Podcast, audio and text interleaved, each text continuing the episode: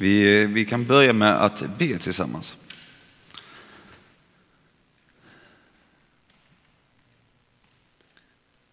Gud, jag vill tacka dig för att det finns försoning i dig. Jag tackar dig Gud för att du är en levande Gud. Jag vill tacka dig för att du är en Gud som vill ha en relation med oss, Herre.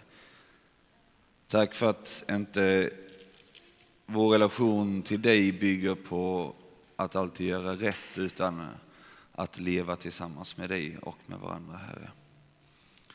Jag ber dig heliga Ande att du kommer hit. Jag ber dig heliga Ande att du leder mig i detta, att du suddar ut ur folks minnen allting som sägs fel och bevarar det som är gott.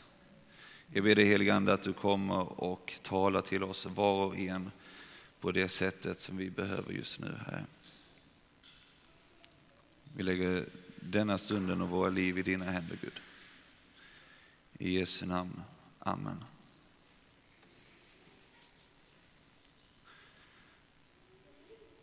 Vad kul. Ehm, det är alltid spännande. Jag fick frågan om jag kunde hålla lite undervisning eller en liten andakt. Jag vet inte vad skillnaden är, så jag gjorde någonting så får vi se var vi landar. Ehm, och då är det som så, då tittar man ibland på vilket ämne man ska ha. För jag fick välja fritt. Och då frågar jag min, min barchef på jobbet, som känner mig ganska väl. Ville, vad, eh, vad ska du, eller jag frågade henne, Ronja, vad tycker du att jag ska undervisa om? Så sa hon, eh, att inte döma tyckte hon.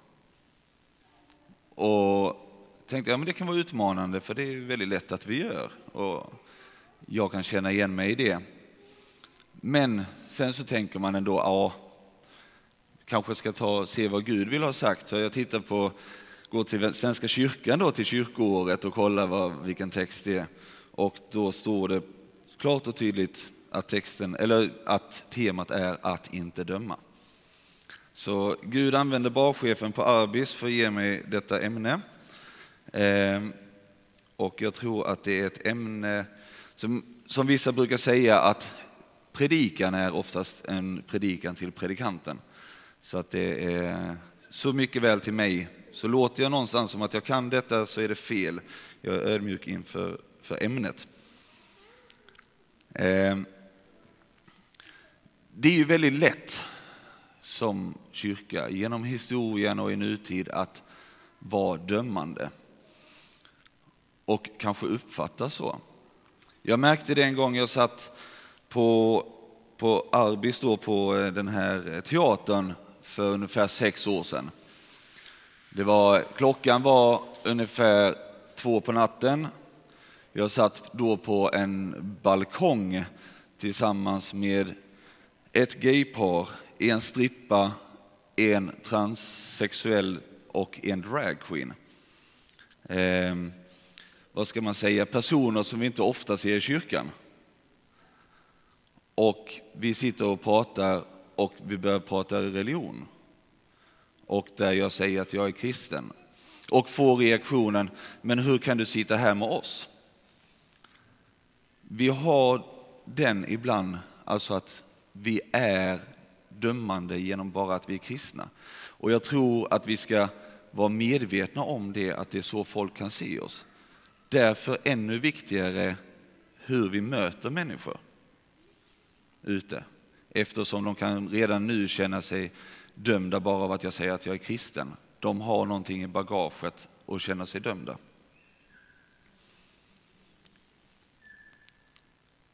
Jag ska läsa den texten igen eh, som, som eh, Boel och Sanna läste här tidigare. Och gör en liten omskrivning av den. Återkom Herrens ord till Korskyrkan. Så har Herren Sebaot sagt. Fäll rättfärdiga domar och visa varandra kärlek och barmhärtighet. Förtryck inte änkan och det faderlöse, invandraren och den fattige. Tänk inte ut onda planer mot varandra. Och jag tänkte som så, vad är, vad är det vi har att tillgå som människor? Jo, vi har påverkan på olika sätt.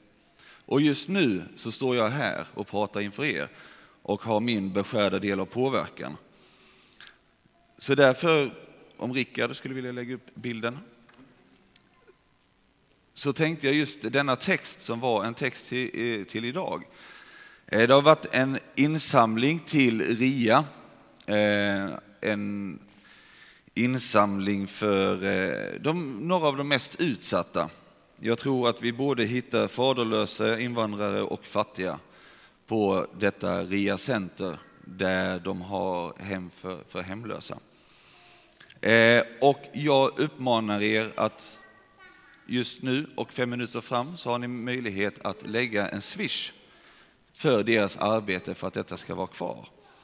Så gör gärna det, ta upp telefonerna nu under tiden jag pratar och lägg en, en eh, liten swishgåva till denna organisation så att de kan fortsätta. För där någonstans tror jag att det handlar om att vara kristen. Och jag hade önskat att det var så samhället såg på oss. Jag hade önskat att jag hade suttit på, på den här balkongen med dessa människor och, och de hade sagt, jaha, du går i kyrkan, det är ni som gör detta och detta och detta och detta för de utsatta. Istället så möts man av, jaha, det är ni som dömer andra.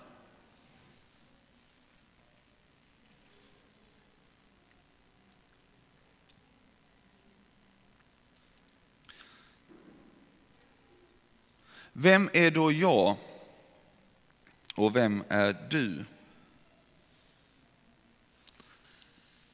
Jag lärde mig i min uppväxt, jag är väldigt tacksam för att jag lärde mig otroligt mycket om Bibeln. Jag lärde mig otroligt mycket om hur man ska tolka texter, hur man ska tycka och tänka om texter. Det var fokus för min uppväxt som kristen.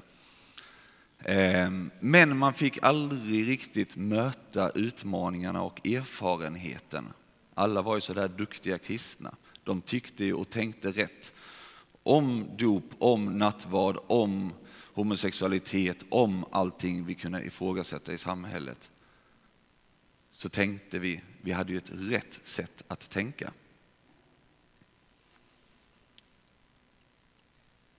Det jag har lärt mig, det är att med åren så får man en erfarenhet och erfarenheten gör en mer ödmjuk.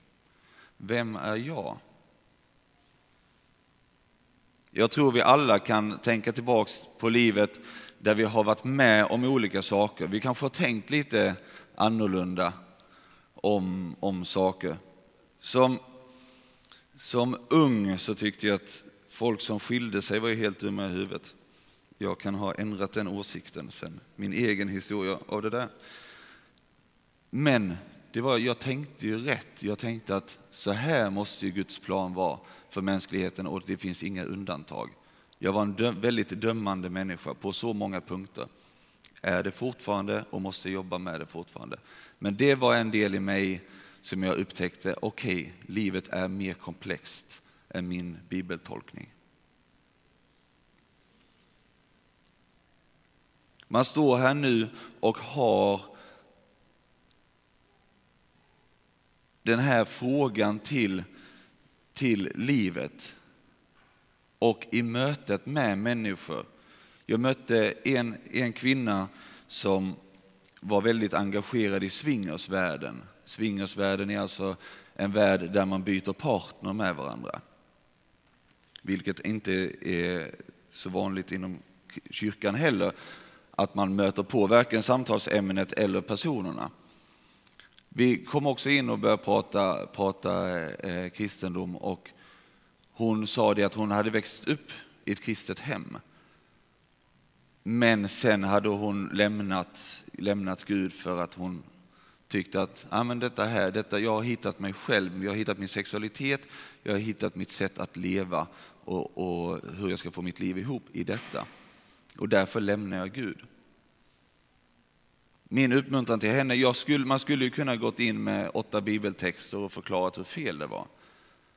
Men min uppmuntran till henne var egentligen bara att fortsätta be. För jag visste att det fanns, jag visste att det fanns kvar i henne en relation med Gud. Jag visste att hon hade plockat bort den för att det skulle kännas bättre.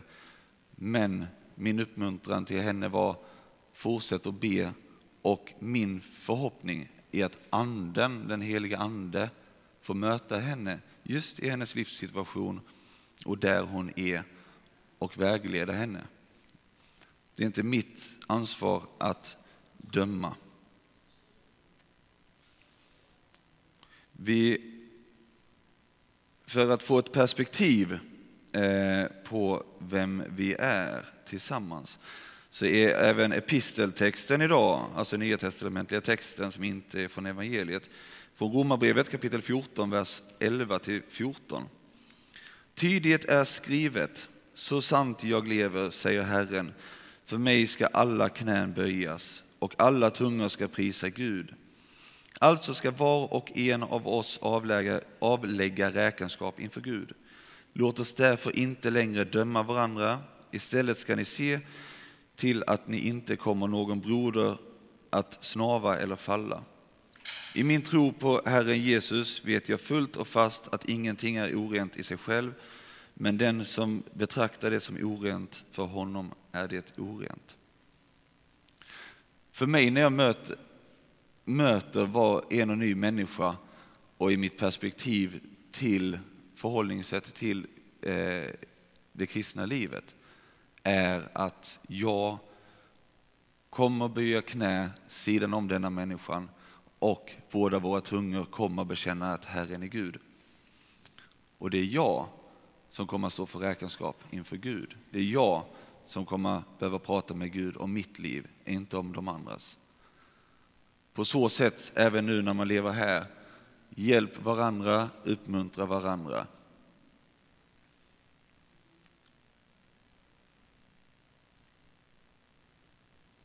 På sig själv så tycker jag att man kan se på ögonen för att det är ju en balans mellan att säga att allting är okej, okay, det finns ingen synd längre.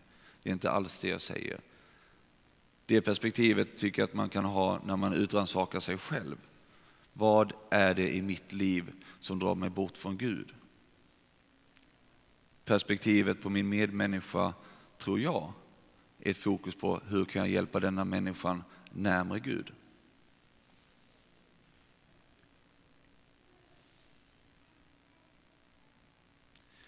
Då är ju frågan det där, vad skulle Jesus gjort? Eller som man säger i staterna, what would Jesus do?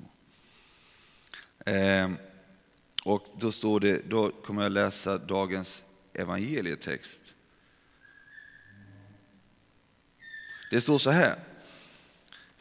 När Jesus gick till Olivberget tidigt på morgonen var han tillbaka i templet.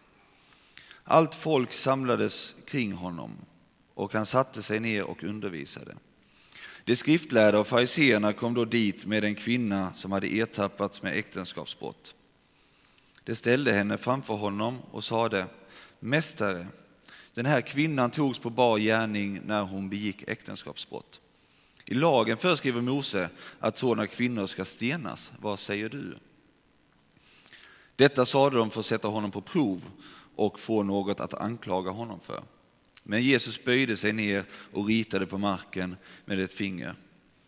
När det envisades med en fråga såg han upp och sade Den av er som är fri från synd ska kasta första stenen på henne.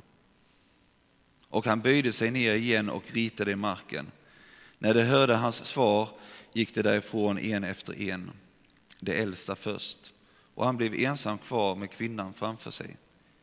Jesus såg upp och sade till henne, kvinna, vart tog det vägen? Var det ingen som dömde dig? Hon svarade, nej, Herre. Jesus sade, inte jag heller dömer dig. Gå nu och synda inte mer.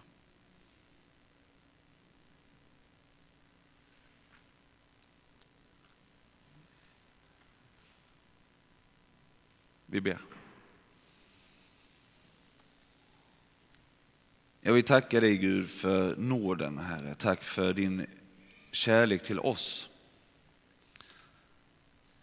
Inte det att vi förtjänar den för att vi har gjort bra saker, Herre, utan för att du har älskat oss, Herre. Jag ber dig Gud att den kärleken får vara fokus i våra liv, Herre. Att den kärleken får prägla vår syn på oss själva. Att den kärleken får prägla vår syn på varandra, Herre.